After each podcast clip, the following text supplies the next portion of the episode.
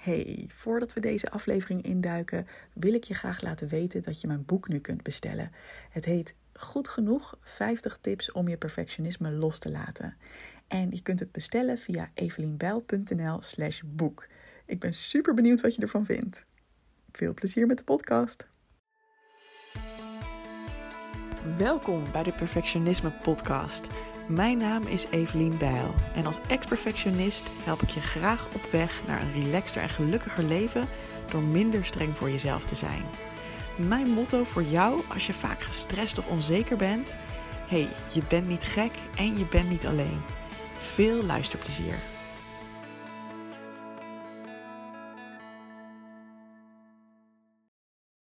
Hey, superleuk dat je weer luistert naar een nieuwe aflevering.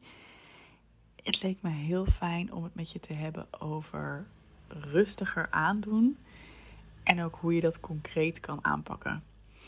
En de aanleiding is eh, heel persoonlijk, want ik heb zelf gemerkt dat ik de afgelopen weken of maanden um, een beetje veel weer in de go-go-go-modus zat.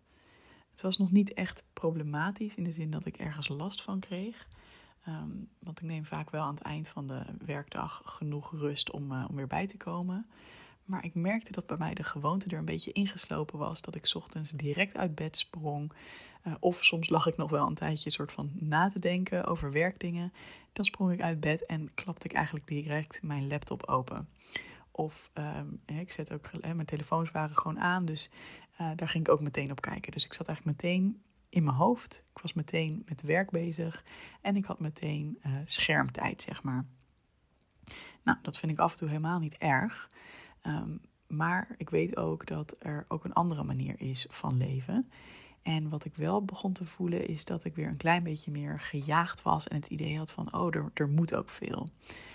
En dat is een beetje het paradoxale. Hè? Misschien ken je dat ook wel, dat juist als jij de hele tijd aanstaat en als jij um, ja, de hele tijd met werk of met andere verplichtingen bezig bent, dan krijg je juist het gevoel ook dat er meer en meer moet en dat er meer en meer van je verwacht wordt. En het lijkt misschien um, heel logisch van, oh, als ik nu alvast lekker begin met werken, dan is er aan het eind van de dag of aan het eind van de week minder werk over. Maar het werkt eigenlijk een beetje andersom. hoe meer uh, hoe groter gedeelte van de dag jij bezig bent met allemaal, allemaal dingen die in je hoofd zitten en allemaal dingen die verplicht zijn, hoe meer jij ook het gevoel krijgt dat jouw hele leven alleen maar bestaat uit verplichtingen. En ik merkte dat ik eigenlijk geïnspireerd raakte door een podcast die ik heel graag luister. En die heet Nothing Much Happens. En het is een podcast die is bedoeld om je te helpen in slaap te vallen. Um, en ik kwam hem tegen volgens mij in de. Het is niet de Flair, nee, de Flow heet dat tijdschrift. En um, het klonk gewoon heel erg leuk. Het is eigenlijk een Amerikaanse uh, schrijfster of podcastmaker, hoe je het maar wil noemen, die een heel dorpje heeft bedacht, een fictief dorpje. En um, ze vraagt zich dan elke keer je voor te stellen dat je helemaal in het verhaal zit. Dus de ene keer vertelt ze over een boekstore waar je dan de eigenaar van bent. En hè, dat je een drukke dag hebt gehad en dat je nu de deur dicht doet. Dat er geen klanten meer binnenkomen. Dat je dan lekker met een kop thee uh, een boek gaat zitten lezen. Weet je, dat is letterlijk het meest avontuurlijke verhaal dat ik tot nu toe gehoord heb. de andere keer is het um, dat je gewoon uh, smiddags spontaan, hè, je bent thuisgekomen na dat je werk hebt. Je dacht dat je eigenlijk alleen even kon lunchen, maar je middagafspraak gaat niet door. En nu kun je heerlijk in de tuin gaan zitten loungen en doe je een dutje. dus ze neemt je eigenlijk gewoon heel erg mee door, um, door hele kleine gebeurtenissen. En wat ze daarbij ook doet, is dat ze heel veel aandacht besteedt aan de zintuigen. Dus hè, ze, ze laat je echt ruiken hoe lekker de thee ruikt. En ze laat je uh, voelen hoe fijn het voelt als je met je hoofd op het kussen terechtkomt. En dat sprak me zo aan dat ik dacht: oh ja, daar kan ik eigenlijk ook wel weer eens wat meer bij stilstaan. En dat was ook haar intentie. Uh, dus nogmaals, die podcast heet dus Nothing Much Happens. wat dus een hele treffende naam is. En haar intentie is volgens mij ook van als jij dat soort verhalen vaker luistert, dat je dan ook in de wereld om je heen overdag, dat je dan um, ja, ook wat meer gaat opmerken wat je eigenlijk allemaal ziet en doet en voelt en ruikt en proeft om je heen. Uh, en dat is voor mij altijd een hele goede reminder, omdat ik, ja, weet je, ik, uh, ik geniet heel erg van allerlei dingen, maar ik ben ook wel heel erg dat ik altijd in mijn hoofd zit en over dingen nadenk. En dan mis je soms ook gewoon wat van het, het zintuigelijke leven, zeg maar. En vanochtend was echt zo'n ochtend dat ik dit helemaal leefde. Dus ik dacht, hoe lekker, ik neem jou gewoon even mee door mijn ochtend. Het is letterlijk nothing much happens. Er is geen, geen, reet gebeurd. Maar misschien helpt het jou ook om op die manier ook eens te gaan kijken van... Oh ja, hoe kan ik wat bewuster de dingen doen die ik doe? En hoe kan ik mezelf daar de ruimte ook voor geven en de tijd voor geven om het allemaal misschien ietsjes langzamer te doen en het daardoor bewust mee te maken en daardoor even ook een buffertje in te bouwen in jouw dag, waardoor je niet de hele tijd alleen maar bezig bent met dingen in je hoofd. Um, overigens, disclaimer: het is niet zo dat ik zeg dat je dus geen gedachten mag hebben terwijl je dit doet. Um, dat is net als met mediteren. Je zult gewoon gedachten hebben, want die gaan de hele tijd door. Dat heb ik ook. Maar als je elke keer weer je aandacht terugbrengt bij je zintuigen, uh, dan, dan kan het wel heel lekker zijn. En geeft het ook gewoon vooral de tijd. Hè? Als jij nu extreem gestrest en druk bent en je hebt nog niet heel veel ervaring met dingen als mindfulness, ja, dan zal het in het begin vooral heel frustrerend voelen dat je denkt, ja, uh, ik vind het helemaal niet ontspannend en ik word helemaal niet relaxed hiervan. Nee joh, dat had ik natuurlijk de eerste paar keer ook niet, uh, dat ik dit jaren geleden deed. Maar het is ook gewoon een beetje oefening en een beetje, ja, gun jezelf gewoon daar de tijd in. Alright, vanochtend. Ik word wakker met een fris hoofd.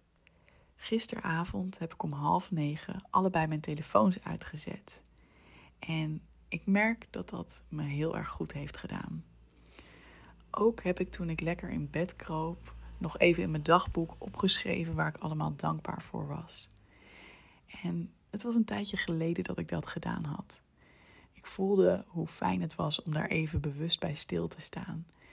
En toen ik vanochtend wakker werd, merkte ik dus dat dat een opgeruimd gevoel in mijn hoofd gaf. Ik keek rond in de woonkamer en ik merkte dat er wat spulletjes van mij stonden. Ik had wat pakketjes gekregen van hele lieve mensen in mijn omgeving. En ik besloot om die op te gaan ruimen. Allereerst zoek ik uit wat waarheen mag. Sommige dingen mogen naar mijn kantoor toe, dus die leg ik bij elkaar om mee te nemen. En andere dingen mogen hier in huis blijven, dus die geef ik allemaal één voor één een plekje. Ik heb ook sokken besteld en die haal ik uit de kartonnen verpakking. Ik vouw alle stukken karton van de verpakkingen en van de dozen op totdat ze helemaal in kleine stukjes in een grote tas passen. Vervolgens loop ik naar de woonkamer en ik zie daar schone vaat staan. Die ruim ik op en ik berg alles op op de plek waar het thuis hoort. Er staan nog een paar glazen van gisteravond. Die was ik even af. Ik voel hoe het warme water over mijn handen heen stroomt. Ik heb zin in een kopje thee, dus ik zet de waterkoker aan en ik kies mijn favoriete thee. Het is een citroen-gemberthee van Clipper. Zodra ik het kokende water op de thee giet in mijn favoriete mok, begint de hele keuken lekker te ruiken naar citroen en gember. Ik zet mijn kop thee lekker neer op de keukentafel. Vervolgens pak ik een lucifer en strijk ik die af totdat er een vlammetje ontstaat. En daarmee steek ik de kaarsjes aan die voor me klaarstaan. Ik ga zitten aan tafel, haal lekker diep adem en ik sla mijn dagboek open. Dat was het. Dat was mijn ochtend vanochtend. En um, nou, ik ben heel benieuwd of jij ook zin hebt om hiermee te gaan experimenteren. Nogmaals, ik doe dit dus niet elke dag. ik neem hier niet elke dag de tijd voor. Daar ben ik denk ik ook te ongeduldig voor. En ik heb ook een keer eerder al een podcast opgenomen waarin ik zei dat rituelen of routines moet ik zeggen, werken niet voor iedereen goed. Dus voor mij, als ik dit elke dag op deze manier zou doen, dan zou ik me vervelen. dan zou ik het heel saai gaan vinden en weer zien als een verplichting. Dus ik kijk meer per dag, waar heb ik nu zin in? Wat zou ik nu een fijne start van mijn dag vinden?